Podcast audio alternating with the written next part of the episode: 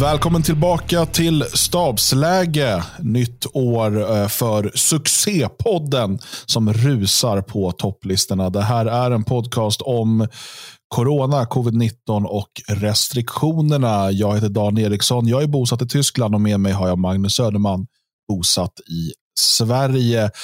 Den första januari spelar vi in det här. Magnus, är du sjuk eller frisk? Nej, men det känns som att jag är frisk, eh, i alla fall så vitt jag vet. Inga, inga direkta sjukdomar som jag som känner att jag trängs på, så att säga. Du då? Jag är relativt frisk. Eh, jag eh, var ju i Sverige över julen och sådär och var då tvungen att vara med om den här ja, skräckupplevelsen att se människors ansikten i butiker. Eller ja, mm. kunna gå i butiker. man har glömt bort lite hur det är när man har varit här i Tyskland. Eh, det är ganska intressant psykologi, det här med masker alltså. För att uh, uh, Jag märkte på min fru, då, jag har ju varit i Sverige några gånger under förra året. Hon har inte varit i Sverige på över ett halvår. Uh, men hon, första gången vi gick in i butik, hon kände sig nästan naken. Mm. Och Jag såg också från USA hur de, det finns de nu som kräver att man ska ha mask också under videokonferenser. Mm. Eh, för att um, det finns människor som blir triggade. Alltså de, får, de får stress och panik av att se ansikten utan mask. Mm. Och Okej, okay, vi kan skratta åt det och det bör vi göra till viss del. Men det säger någonting om psykologin också och hur det här liksom kan få långsiktiga konsekvenser i vårt samhälle. Mm. Alltså, någonstans så slutade man skratta åt det här när det började pratas om säkra rum och liknande för ett antal år sedan.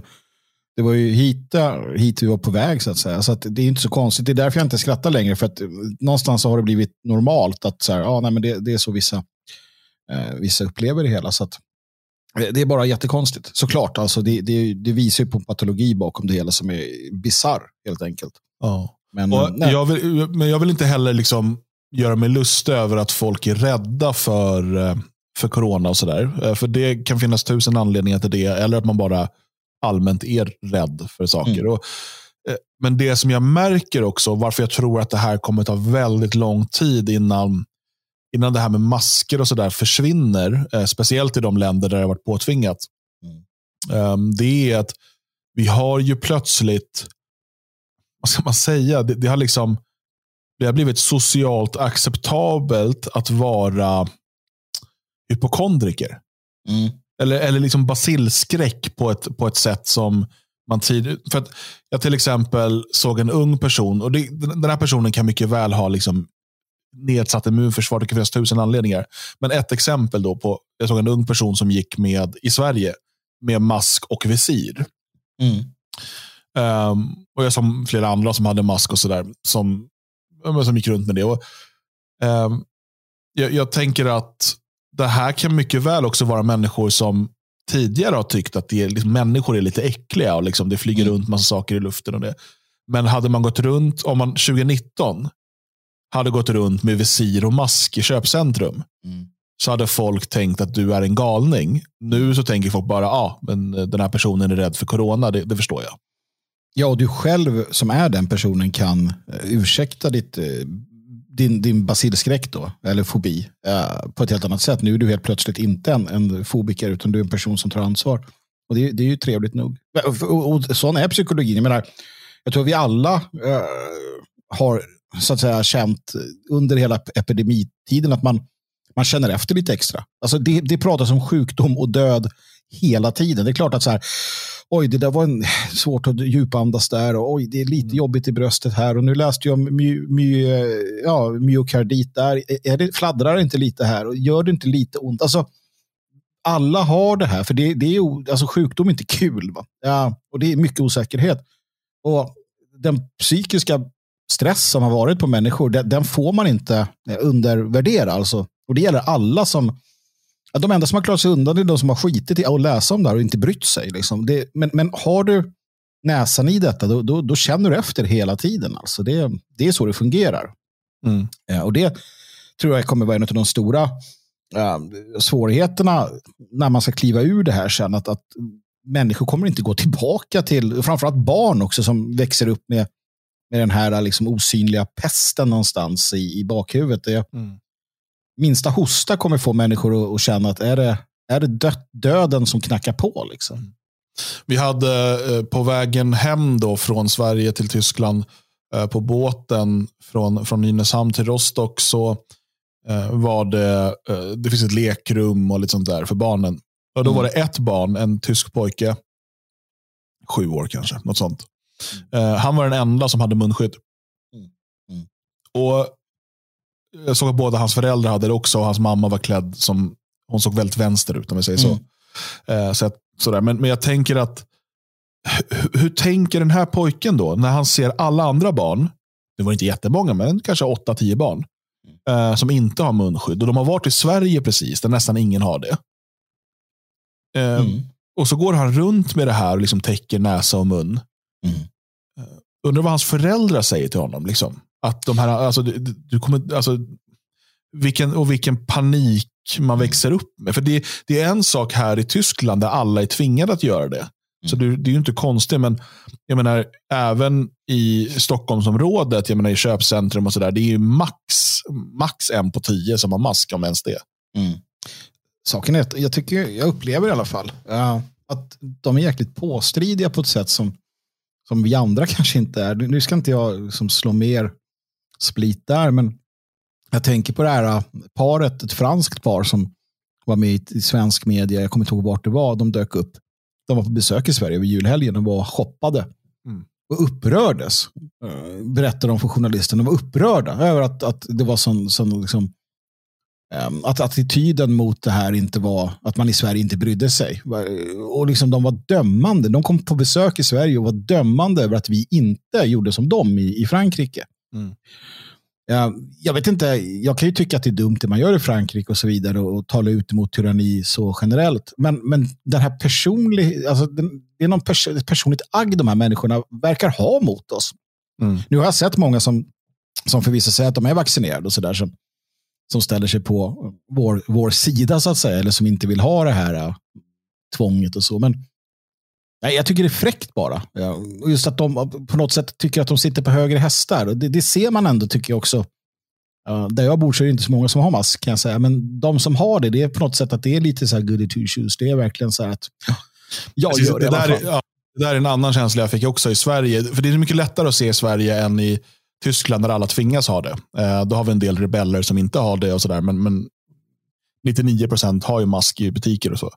Mm. Uh, att de verk, det var som att det fanns lite den här, jag är bättre. Speciellt bland yngre människor skulle jag vilja säga. Mm. Att de har liksom jag, jag kan förstå om man tror att masken skyddar och man är gammal. Så kan jag förstå om man tar på sig den. Mm. Men när jag ser typ tonåringar, framförallt var det tonårstjejer, mm. som gärna gick runt med de där. Mm. Och då är det så här, och ja, man, De gav generellt lite så här vänster vibbar. Eh, jag vet, det var jävla obehagligt alltså. Obehagliga människor.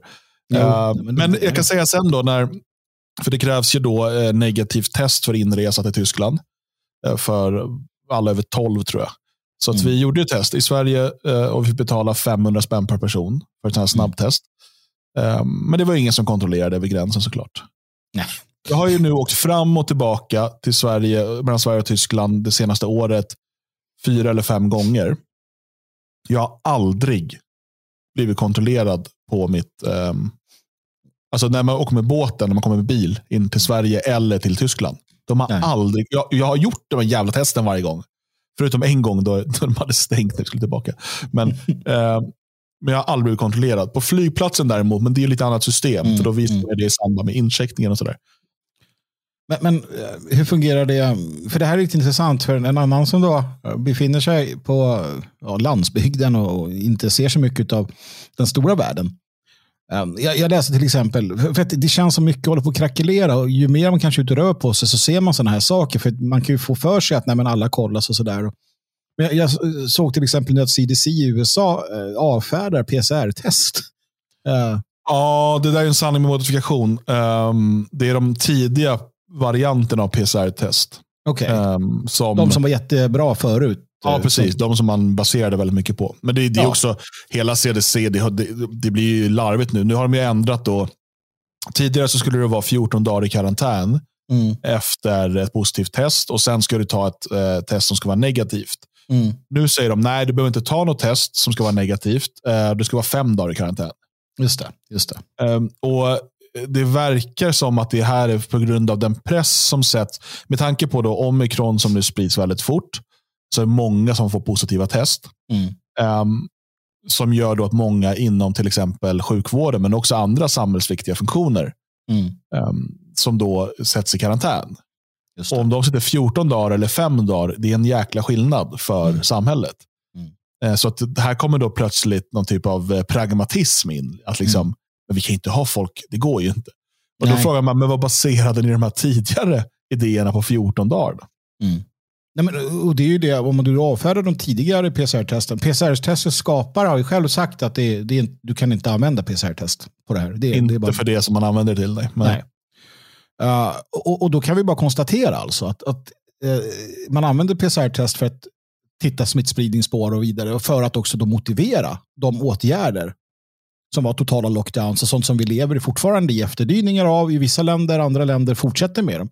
Mm då, då, var det alltså fel. Alltså det, det måste de ju köpa bara själva. Att okay, vi använder test som CDC, alltså det är alltså Center for Disease Control i, i USA. Mm. Uh, de säger att nej, men det, det var inte, det var inte liksom riktigt bra. Och det, det, betyder ju då att i alla fall den, den, det benet utav um, in, in information som man baserade lockdowns och liknande på faller. Då, då har det fallit. Okej, okay. Mm det, det, måste man ju köpa då bara och förstå att då behövdes det inte av det skälet. Sen får man hitta andra skäl. Men nu känns det som att det mesta börjar haverera så sakteliga. Det jag tycker är intressant att se nu som händer, och det är inte bara CDC, utan jag ser det från alla förespråkare av allt ifrån massvaccinering till eh, lockdowns och sådär. Det är att man, man börjar liksom backa på det man sa, men hävdar att det var sant då, för det var den information vi hade då. Mm. Um, framförallt det här liksom med vad vaccinet fyller för funktion. Mm. Uh, det finns ett ganska bra klipp där man har satt ihop hur ett flertal uh, liksom tv-personligheter, Joe Biden och flera säger att uh, om du tar vaccinet, du kommer inte bli sjuk, du kommer inte hamna på sjukhus och vi stoppar spridningen. Mm. mm. Och Det här var liksom det viktiga. att Bara ta vaccinet nu, för då stannar, liksom, även om du liksom får viruset, Mm. så kommer du inte skicka det vidare och då stannar mm. det med dig. Var en hjälte nu. Liksom. Och så här, och Det är väldigt, väldigt tydligt. Mm. Och Nu vet man ju att det inte är så det funkar. Det finns, finns fortfarande liksom studier som hävdar att du åtminstone en bit efter eh, andra och tredje dosen och så vidare, att du sprider mindre ett mm. tag efter. Eh, och sen så, ja, efter fyra till sex månader så verkar du en del till och med sprida mer. Men, mm. men det finns motstridiga studier. Hur som helst så stoppar det inte um, spridningen. Och då säger man, ja men, och, och, när man då kallar, men varför ljög de det här tidigare? Ja, men det var den information vi hade då. Mm. Okej, okay, men alla, om man då buntar ihop alla liksom kritiker som de brukar göra, liksom antivaxare, bla bla bla. Mm. Bland de här så kallade antivaxarna fanns ju väldigt många som påpekade detta. Att nej, så mm. här kan inte det fungera. Så informationen fanns ju där. Det påminner mig om så mycket annat som man liksom var så här, ja men det, men informationen fanns ju där. Ni valde bara att gå på ett visst spår. Mm. Och eh, Jag förstår om man nu, eh, och vi ska prata lite vaccin, men, men om, om man nu är övertygad om att vaccinet minskar risken för allvarlig sjukdom och därmed belastningen på sjukvården. och Det är det som är prioriteten, vilket mm. ju är det man säger nu. Mm. Och det verkligen är så, då förstår jag att man vill att så många som möjligt ska ta sprutorna. Mm. Eh, och Då kanske man väljer liksom den här retoriken för, eh, för att liksom pusha folk till att ta sprutorna. Mm. Eh, för att man då tror att du gör det. För att om du är en normal, eh, liksom hälsosam, eh, frisk, 25-årig man, så är det, eh, om det bara handlar om dig själv, så är det väl, har du väldigt få argument för att ta sprutorna. Mm. Um, och Speciellt nu när vi ser de här nya Oxford-studierna och så där som, som visar då att myokardi till exempel är 14 gånger vanligare hos män under 40 efter vaccin jämfört med efter infektion. Mm. Och, och, jo, men du kan, man kan dö av covid-19 även om man är 25 och frisk. Ja, du kan dö av allt möjligt. Du kan dö av influensa, du kan dö av vinterkräksjukan. Allt sånt där. Du kan inte ta så en på 300 000 blir så här. Det är ointressant. Mm. Utan det handlar ju då om riskminimering. Mm. Um, och det, att då få en, en ung 25-årig man som är, är, är, frisk att säga att ja, men du ska spruta in det här ganska otestade. Vi, har inga, vi är fortfarande i fas 3-studie och så vidare. Mm. Uh, det här mRNA-vaccinet. För att du själv inte ska hamna på sjukhus, vilket är en min, min, minimal risk om du får viruset. Mm. Då kommer inte de göra det. Men om du säger det här gör att din farmor inte kommer dö. Mm. Så är det. Alltså, men, men sen, alltså, jag, jag köper också uh, att man, uh, som Jan Myrdal hävdade i hela sitt liv, att han alltid hade haft rätt. uh, för att det hade han utifrån den information han hade vid tillfället och han sa det. Och, och, och, Så kan det vara. Men nu handlar det ju inte om en person, en, en, liksom en, egen, en, en persons intellektuella eskapad, utan det handlar om att massvaccinera jordens befolkning. Och då tycker jag ändå att man ska bruka ett visst, en viss försiktighet. Mm. Och det är där de brister. Jag tycker inte att man brister i att man, äh, att man, att man i efterhand säger att vi hade fel. Eller det har kommit, men, men det är därför du generellt sett testar vacciner till exempel. Under kanske långa, långa perioder, många år. Äh, så testar du den för att se då att, att det här var, ja, funkade bra. Nu har man ju använt befolkningen som testgrupp. Alltså, det, det, är ju det, de som vaccineras är ju eh, försökskaniner för de här vaccinen. Och vi som då inte har vaccinerat oss, vi är kontrollgruppen. Mm. Um, och, och, det tycker inte jag att man ska göra så lättvindigt. Uh, och, och, nu erkänner de ju som sagt att nej, det var visst inte det vi trodde att det var, utan nu är det... Och, och, och då faller ju, för nu är det, det finns ju bara ett argument kvar eh, nu, och det är ju att vi ska inte låta sjukvården bli eh, överbelastad. Det är det enda argumentet. Eh, ja, att du själv inte då drabbas av plötslig eh, död eller svår sjukdom. Vilket som du sa där är väldigt, väldigt, väldigt låg sannolikhet för de absolut, absolut flesta människor. Mm. Precis, så att eh, argumentet nu för varför fler bör ta sprutorna är att man inte ska överbelasta vården. Och Det här då eh, menar man då dels skyddar du dig själv, men man menar också då att du till viss del fortfarande skyddar andra. Speciellt om du boostrar var tredje månad eller var sjätte mm. månad vad de nu kommer komma fram till till slut. Mm. Eh, och liksom håller igång det här. Och eh, Här ser jag också ett, ett stort problem för arkitekterna eh, mm. med, eh, med det här. För att det är en sak att folk gick och sa, ja, men nu, man har varit i ett år i, i lockdown och sådär, men jag går och tar de där två sprutorna nu. Mm. Eh, men sen att de ska gå och ta det åt, jag har i alla fall märkt, och jag, visst, jag har ju min bubbla och sådär, jag fattar ju det, men, men liksom folk som som har tagit de två första, men som nej, jag tänker inte gå och ta fler nu.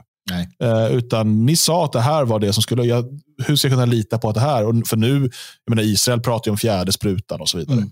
Um, så att, men argumentet då, att det här ska hjälpa till så att vården inte överbelastas. Mm. Uh, och Ska vi då titta på siffrorna för vården till exempel i Sverige så uh, kan man ju delvis ge dem rätt. Mm. För att Um, det är uh, alltså osprutade, ovaccinerade uh, belastar sjukvården med covid-19 mm. i högre utsträckning, alltså um, proportionerligt vad det mm. verkar. Mm. Nu är det också de här siffrorna väldigt svåra att tyda eh, eftersom att man då till exempel på IVA, så här, är det färre än tre, då räknar vi alla som ovaccinerade. Nej, precis, men då, då hävdar ju de att de, alltså när det väl kommer samlade, ja, samlade rapporter, då är det, då är det rätt. Då, låt oss gå på det. Då, liksom. ja, och, och då, då verkar det som att eh, den som har eh, tagit liksom, eh, senaste sprutan i relativ närtid mm. belastar sjukvården i mindre utsträckning än den som inte har tagit sprutorna. Mm. För covid-19 ja. För covid-19. Ja, bara så att vi är på det klara att det är det vi pratar om, inte om de får uh, myokardit eller någonting annat. så att säga. Utan... Precis, uh, och för det är ju det här också. Då, då, då måste man ju hela tiden kolla, okay, men vad är då nedsidan? Finns det några risker med eh, att ta sprutorna. Om, om vi, bara, vi bara pratar, vi pratar inga principfrågor alls nu, utan bara huruvida vården överbelastas. Mm. Och om vi då ser som i den här Oxford-studien att män under 40 år löper 14 gånger högre risk för inflammation i hjärtat, alltså myokardit, Mm. eh, om de tar vaccinet än om de får eh, viruset. Mm. Eh, Det är fortfarande ganska ovanligt ska sägas. Och det, För Mm. det är de här siffrorna, man, ah, det är bara en på 10 000 som får det. Ja, Mm. men det är bara eh, en på eh, 140 000 som får det om de får viruset. Mm. Precis. Så att eh, det är här hela den här eh, risk-reward-frågan eh, måste komma. Återigen, vi pratar bara belastning på vården, inga principfrågor nu. Mm. Ehm, är det värt, alltså varför är det så viktigt, som nu som börjar liksom vaccinera femåringar, Mm. eh, som liksom löper Alltså det, det är inte ens, inte ens en mikroskopisk risk. Alltså det, du behöver teleskop. det är en teleskopisk risk att eh, hamna på IVA eh, när de, eh, om de får, eh, kommer i kontakt med viruset. Mm. Så och vad är då för, varför ska de här besprutas med ett vaccin eh, eller liksom en, en genterapi som man själv har talat om? Eh, För, för mig är det, det, håll, det går inte ihop med att inte belasta vården. Jag, eh, när man tittar då på eh, de här de kortsiktiga effekterna, för de långsiktiga vet vi fortfarande inte och det är den röda flaggan som hela tiden bör finnas där också. Mm. Absolut. Eh, Men om vi bara tittar på det vi har, den kortsiktiga effekten, eh, så kan jag förstå om man säger att riskgrupper, eh, 70-plussare och så vidare, här måste det sprutas. För Mm. att det är, in, det, det, det är alldeles för hög risk. Om du drabbas av viruset, då är det 2% risk att du hamnar på IVA. Liksom. Mm. Då, då, då, är det helt, då, då är det en rimlig ansats. Inte tvångsvaccinering, men liksom att så här, nej, men ni ska ha de här sprutorna. Det är, Mm. annars, det, det, det, det är bra för er. Det, det finns det finns risker med sprutorna, men här eh, är eh, liksom fördelarna överväger riskerna. Mm. Men jag förstår inte när det gäller unga, friska människor.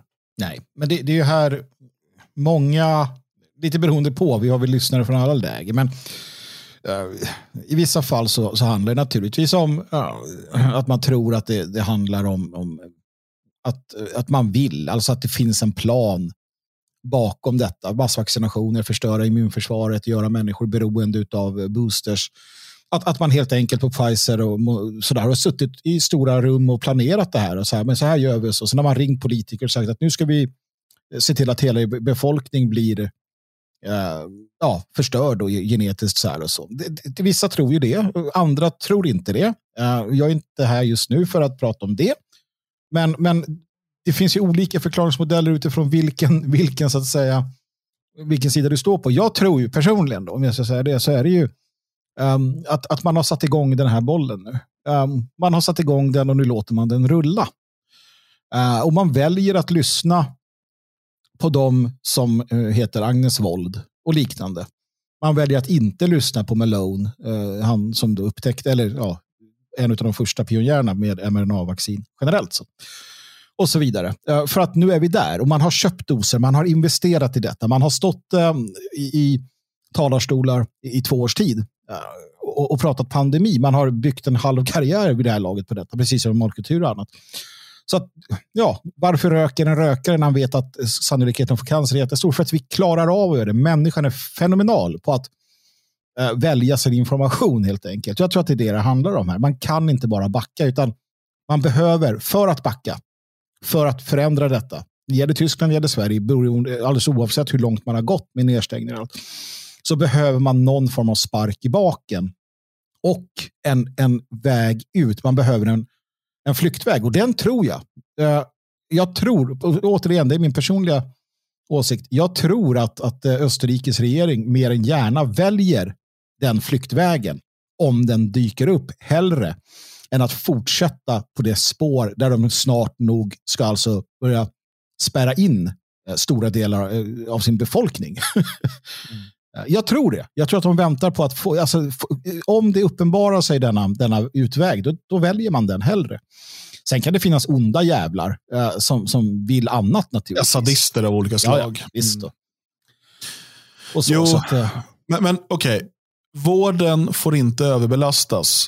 Um, om vi tittar på utvecklingen av svensk vård så har vi ju eh, många gånger halverat eh, vår, liksom, våra resurser när det gäller till exempel intensivvårdsplatser mm. de senaste 30 åren. Um, och eh, Det är en del av liksom nedrustningen av Sverige efter kalla krigets slut. och så. Um, men det finns två saker jag tänker på här. Det första är, och jag tycker att vi, det här pratas om för sällan, inte bland oss, men, men, men generellt det här man smällde upp på Älvsjömässan som aldrig ja, behövde ja. användas. För att mm. Vi är ju fortfarande inte riktigt i närheten av de siffror som var förra vintern. Ja, här måste vi också bara, det är skillnad på smittade, ja, ja, antal det, det, inlagda. Ja, nej, jag menar nu belastning på nej, IVA. Um, och då smällde man ju upp ett par hundra var det va? Um, intensivvårdsplatser till mm. i, i, i Älvsjömässan ja. som man aldrig behövde använda. När, och då var det större tryck än det är nu. Mm. Men eh, ändå ska man införa fler. Alltså, nu är ändå då, vad är det i Sverige, 75 procent, 80 procent någonting eh, som har tagit sprutorna. Mm. Som är då är så kallat vaccinerade. Eh, vi, eh, och, och vi har då, ehm, vi hade inte behov av de platserna här när ingen var vaccinerad. Nej, nej och, och, och, ingen var vaccinerad. Och, och det var en farligare virusvariant. Precis, den var i sin färskaste, elakaste form egentligen. Eh, om man tittar på hur ett virus generellt sett utvecklas. Mm. Um, så att det är det här som alla måste fråga sig. Men återigen, minnet är väldigt, väldigt kort hos folk. Utan nu, nu sitter Tegnell och Eh, de övriga och så här, nej men vården får inte överbelastas därför är det viktigt att du gör detta och detta och detta. Men, men det är som du säger, det, det finns ingen logik bakom det. Um, för att, uh, förutom då om inte, om inte vården har skurits ner ännu mer under pandemiåret, men det kan jag inte tänka mig att man har gjort. Nej, det är väl ingenting som tyder på det. Vi har väl typ färre människor som jobbar i vården nu än vi hade för två år sedan. Ja, och det är det som blir lite också fundersamt här. För att det är ju faktiskt en vettig fråga att ställa. Så här. Eh, om det handlar om folkhälsan, varför har man inte investerat åtskilliga miljarder eller miljoner eller vad du vill på att utöka IVA-platserna mitt under brinnande pandemi? Mm. Uh, varför har du inte gjort det? Eller varför har inte regeringen gjort det? det har, för det har man inte, utan jag har sett uppgifter som säger att, man har, att, att IVA-platser, det har minskat, det totala antalet IVA-platser har minskat under pandemin. Nu tar jag inte gift på det, för jag vet inte, men jag har läst det. Eh, det har i alla fall inte ökat. Men varför byggde man inte ut med 100, 200 nya IVA-platser? Mm. Varför? Eh, utan, utan man sa nej, nej, det struntar vi utan nu ska ni bara vaccinera er, ni. Och, och, och, så, så ska det lösa sig. Det, det är det som bevisar att det inte handlar om folkhälsa. Det handlar inte om att människor ska överleva och få bättre vård. Det är inte alls det det handlar om. Eh, utan det är andra, andra saker. Till exempel då att förmå människor att vaccinera sig. Det kanske man tror är en billigare väg ut om vi tar det bara argumentet att politikerna, men då handlar det fortfarande inte om att de bryr sig nämnvärt kan jag tycka. Nej, nej, um, nej det, det, det är uppenbarligen inte så att man, man har gjort de, de satsningarna. Och sen visst, man kan hävda då att det är, det är en lång utbildningstid på mm. eh, intensivvårds... Jo, men när ska man börja då? Mm, nej, precis. Alltså, precis. Eftersom det är så lång tid att utbilda. Jag tror ju också att det finns människor som typ är sjuksköterskor idag som bara behöver några tilläggskurser. så att säga. Det, mm. Men om man inte ska utbilda nu, när ska man vänta tills efter då? Eh, och då ska man utbilda, för då kommer man säga nu har vi inget behov längre. Ja, då kommer man börja stänga upp folk igen. Ja, och ska du börja då istället omplacera dig? Jaha, du har inte tagit de här äh, sprutorna. Nej, men då får du inte jobba med det här. Då sparkas du eller omplaceras du. Så att man, man, man gör sig redo. Det är väl ännu värre i Tyskland misstänker jag äh, än i Sverige på den fronten just nu. Ja, I Tyskland är det redan beslutat då med eh, krav på eh, minst två sprutor är det just nu då. Eh, för att få jobba inom vård och omsorg efter 15 mars. Um, och Man räknar med uh, ungefär 20 procent inom de yrkena uh, som då kommer få gå på dagen. Mm. Um, så, eller där det är nu. Sen, det är säkert några som då under bilan kommer ta sprutorna. Mm.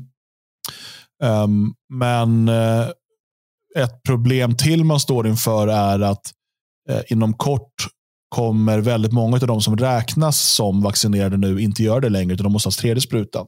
Mm. Och det kommer ju då även då gälla för att få jobba inom vård och omsorg. Eh, och Då är risken att man tappar ännu fler.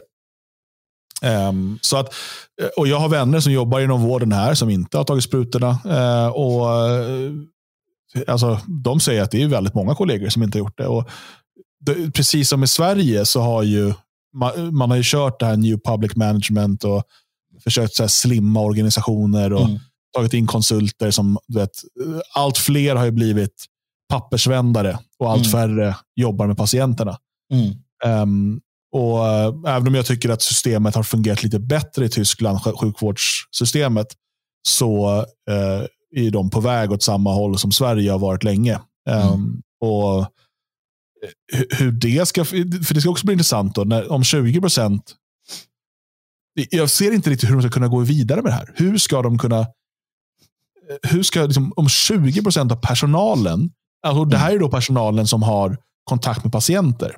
Mm eh, undersköterskor, sjuksköterskor, läkare och så vidare. Om de försvinner över en natt, vem ska man ersätta dem med?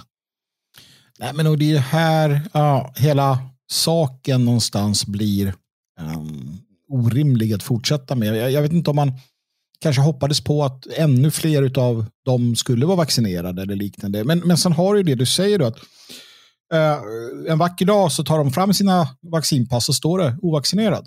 För det finns bara av och på. Det finns bara ja eller nej. Mm. Um, och, och, Det är också den psykologiska effekten där. Vi var inne på det lite tidigare. Men om du har tagit dina två sprutor och sen har du ditt pass, eller tre sprutor som Israel, och du har ditt pass och allting är fri, fri, fri, fri, fröjd. Liksom. Och sen går det där och så ska du gå in på någon, någon inte vet jag, och sen så bara piper det till. Va? Nej, du är inte, kom och ta din boosterspruta. Tills dess får du inte där någonstans kommer väldigt många. Alltså, jag tror att andelen som, som blir ovaccinerade inom den nya definitionen kommer eh, öka markant. För att då kommer också de att, men vad fan, liksom, fyra, fem, vad, vad håller ni på med? Um, och, ja, och, argumentet, vi gör det med influensavaccinet, ja det gör vi. Varje år så får du en ny liten spruta. Men, men det är väldigt få som tar det också. Jag vill tala om. Ja, och framförallt är det folk i riskgrupper som tar det. Det är de ja. som rekommenderas att ta det. Mm. Och, och, Det är här då vi kommer lite grann tillbaka till pudens kärna, principfrågan.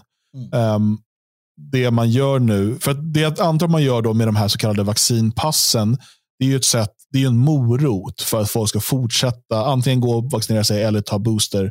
Mm. Uh, men om man då ser vad som händer i Tyskland så har man ju stängt ner allt igen, även för de som har tagit sprutorna.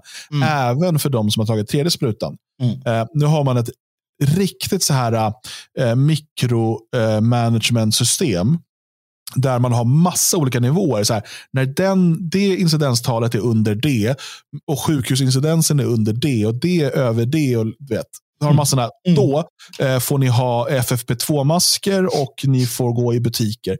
Och sen så när det kommer den ändras, då får man ha eh, blåa masker, eh, men ni får inte gå på gym. Och så, vet, det, mm. alltså, mm. Jag märker ju, jag är ändå intresserad av det här. Jag följer nyheterna varje mm. dag. Och liksom, jag, jag, fattar typ hur det är upplagt. Mm. Men jag följer också till exempel Facebook-sidan för min kommun. Mm. Och De publicerar ju då tal varje dag. Och allt är bara kommentarer. Bara, vad betyder det då? Vad, mm. vad betyder det? Får, vi gå, får man simma nu? Får man, du vet, folk är helt förvirrade såklart. Mm.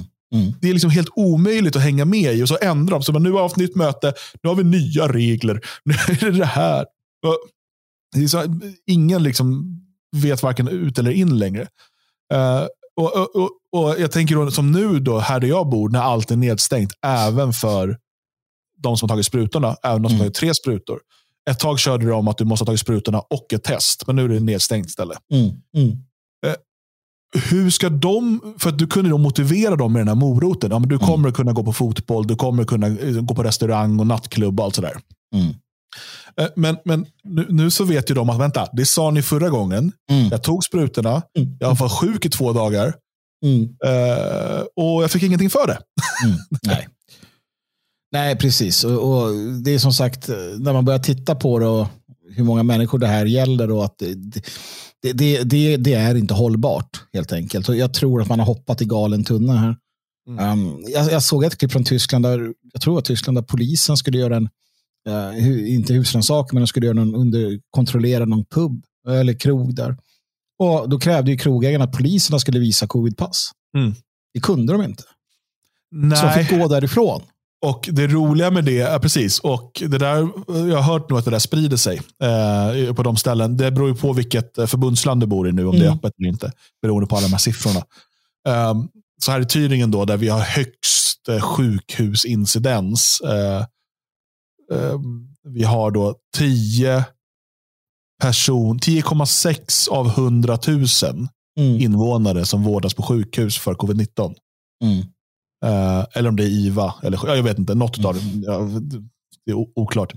Um, nej, sjukhus är det. Så det är en, ja, en promille. Jag vet, mm. Det är så mm. jävla larviga siffror, men då, då i alla fall då måste allt stängas ner. Mm. Uh, och man måste ha, men nu har vi under tusen Eh, vi har 500 av 100 000 som har blivit smittade de senaste sju dagarna. Eller sånt där. Mm.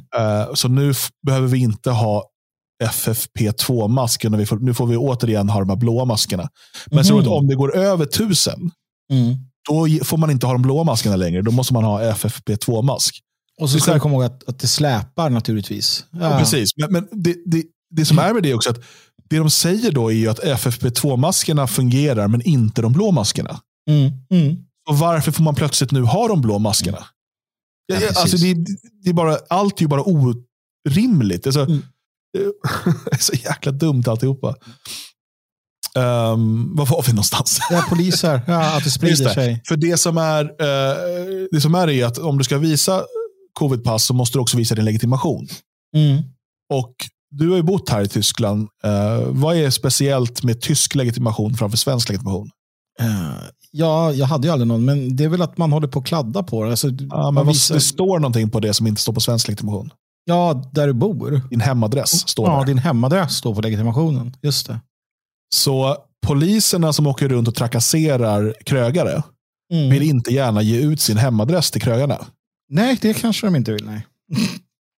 Eh, speciellt inte krögare som är väldigt tydliga med att de tycker att poliserna är idioter.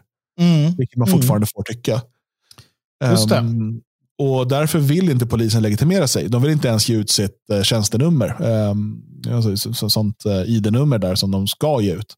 Uh, mm. För de vill inte bli identifierade. Mm. man skickar också runt poliser. Alltså det, här där jag bor till exempel så är det inte de poliser från den här kommunen som kontrollerar.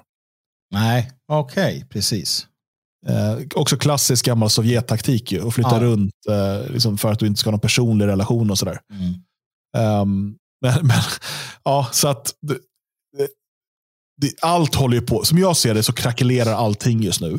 Mm. Men, och det här, det här avsnittet blir ju lite sammanfattning. Och liksom, vi, har, vi har inte fått sända på två veckor. Och vi pratar lite om allt. ja, men, men det krackelerar alltihopa nu och jag ser ju att omikron kommer vara deras räddning.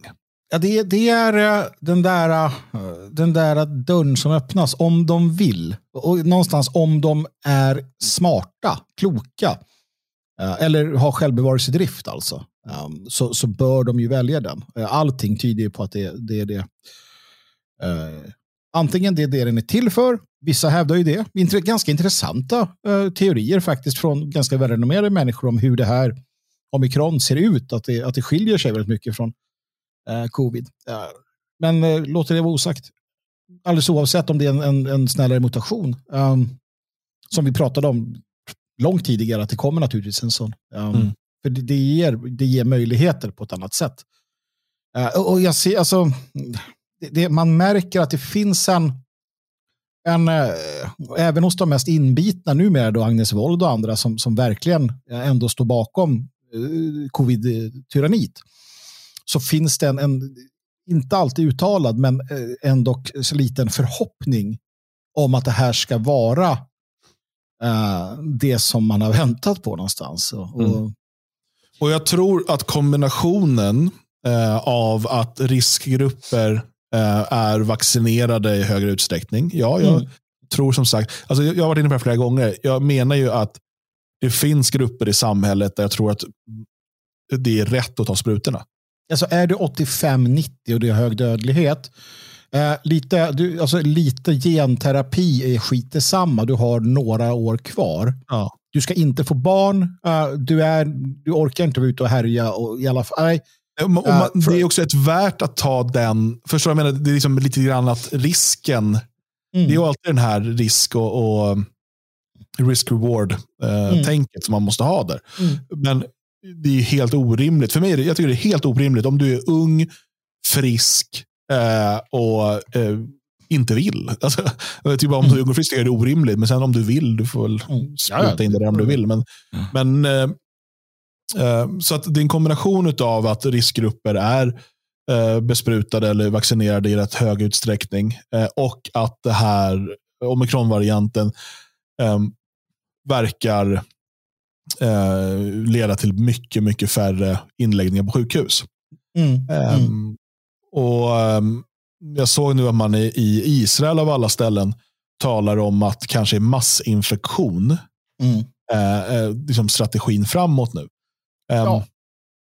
Och, och liksom ta bort, ta bort alla restriktioner för de som inte är i riskgrupp. Mm. Plötsligt hamnar man då i den strategi som till viss del Sverige hade i början mm. och som vi länge har förespråkat. Ja, från, från Italien, från att Italien-siffrorna kom där på, på våren. Ja, I mars någon gång där, 2020. Ja, ja, då Eller april, april var det nog, slutet på mars, början på april. Precis, och, och, det är inte att, jag ska inte säga att det är ett utslag för att, att äh, människor utan utbildning i frågan är bättre än de med uh, utbildning i frågan. Absolut inte. för det är det, vi är inte virologer. Ja, men för det är inte bara vi, utan det är ju andra virologer. Alltså mm. sådana som är utbildade som har sagt det hela tiden. Ja. Ja. utan det blev politiskt också. Det ska vi komma ihåg. Allting blir politiskt.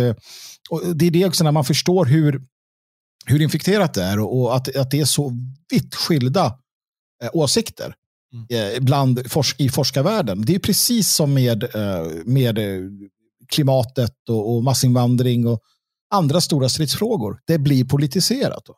Mm. Men det är som du säger, väldigt det är fascinerande att se att Israel då, efter fjärde sprutan och börjar prata boosts hela tiden och så börjar säga nej, men vi kanske bara ska strunta i allting. Um, ja. för, för, för de ja. som inte är i riskgrupp. Um, för att, och, och det är ju på så många sätt den mest uh, rimliga strategin. Um, för det Sverige gjorde oerhört fel uh, första halvåret mm. var ju hur man misskötte det, alltså äldreomsorgen och sjukhus och så vidare. Mm. Uh, och Vi vet också att, att väldigt många som testar positivt för covid-19 blir smittade på sjukhuset. De oh, ja. kommer in av en oh. annan anledning. Mm. Um, och, alltså, det, så att det finns, där har man jättemycket att jobba med och Sverige misskötte det totalt i början. Mm. Men man eh, gjorde mycket annat rätt jämfört med, eh, med många andra länder. Mm. Ja, och, och vad det gäller dödstal, eh, som ändå är det som människor hänger upp sig på, så är det som så. Och Det här kanske låter elakt, men det är lite som så att de som skulle dö, de är döda. Mm. Eh, de har liksom hamnat illa. Och det, det, dels misskötelse i början och så vidare. Jag, jag läser, jag, i sam, och jag, jag kommer att tänka på det i samband med att jag läser på SVT nu, att äh, utav 90 000 vaccinerade, eller av 90 000 bekräftade då, eller inskickade äh, biverkningar av vaccinen så är 350 utav 90 000 i Sverige som handlar om dödsfall, alltså människor som har dött mm. av vaccinet. Bekräftat misstänker jag att det är, för det är Läkemedelsverket som uttalar sig. Och då, då säger Veronica Örtesund att vi ser dödsfallen framför allt rör äldre personer som har haft andra sjukdomar. Mm. Eh, och jag tror att det stämmer mycket väl. Så här, i början så dog en massa äldre människor och sjuka människor och sköra människor när man de facto havererade och skyddade dem. För det gjorde man i Sverige. Man skyddade inte äldre och sjuka på det sätt man borde ha gjort. Eh, det kan vi vara på det klara med. De dog. Sen dör det lite människor här i krokarna och nu när vaccinet kommer så dör det några av det.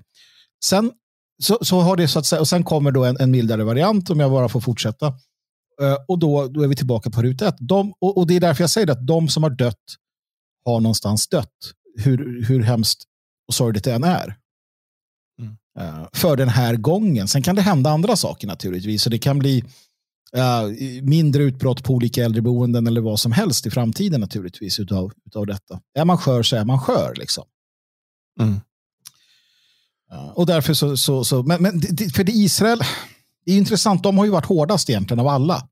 Mm. Hela tiden. Det har ju varit, verkligen gått på i, i ullstrumpen eller vad man säger. Mm. Uh, och när de då kommer fram till att uh, en fjärde dos och sen boosters på det. Någonstans så ser ju deras politiker också att vad fan är detta? Liksom, det här går ju inte. Det hjälper ju ingenting vi gör. Och, och bara ta det då med, med Antarktis. Ja, um, Sydpolen, är det Antarktis? Jag hade upp den där. Ja, ja vi, precis Sydpolen. Något, uh, du, du har alltså alla, alla är trippelvaccinerade och boostade. Alla. Alla. Alla. Och i karantän. Och i karantän. Alla. I flera veckor. Alla.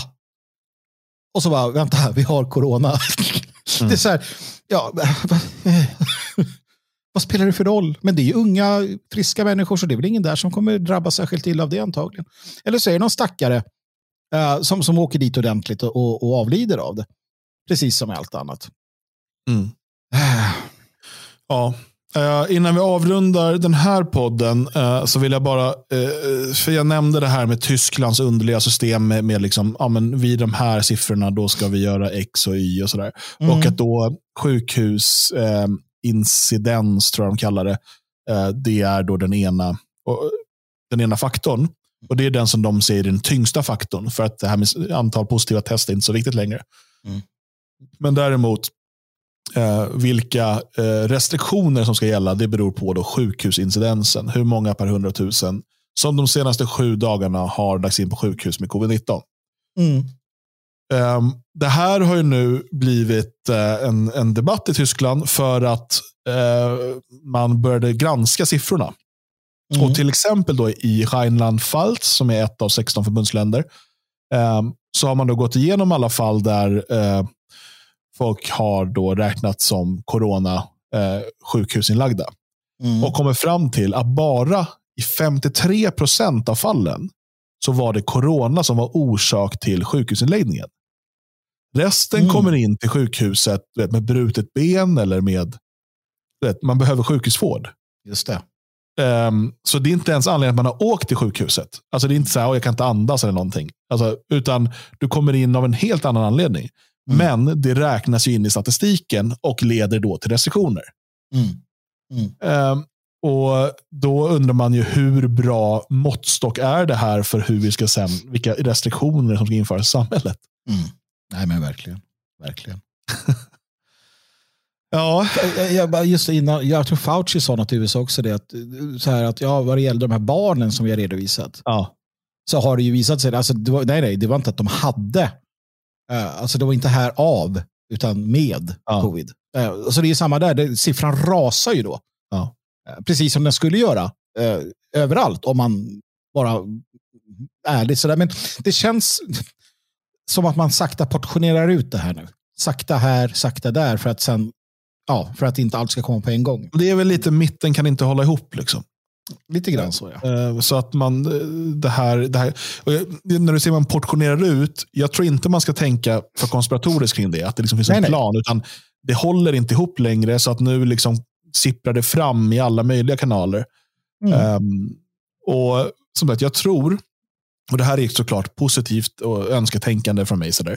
men mm. jag tror att eh, omikron, eller kanske till och med en ännu nyare variant sen, eh, som kommer nu under 2022, mm. kommer göra äh, att vi går mot ljusare tider när det mm. gäller just det här. Mm. Nej, men det är jag överens. Håller med Men, men äh, jag kommer väl få äta upp det här om ett år när vi sitter med, jag vet inte vad, vad är det för variant, vad kommer efter omikron? Ja, jag vet inte tusan, men, men är det så, bara avslutningsvis då, är det så att det inte blir som du säger där, uh, då är det en helt annan värld vi lever i. Då är det då, då, det är liksom, då är det no holds bar. Då, vet, då kan vi inte förutse någonting egentligen. faktiskt. Ja. Mm. Nej, nej, det har du rätt Om så jag säga, pi, kommer, kommer det efter? Alfa, beta, gamma, delta, epsilon. Varför kom omikron nu? Uh, ja, men det är för att det är moronic. Uh. Konstigt här.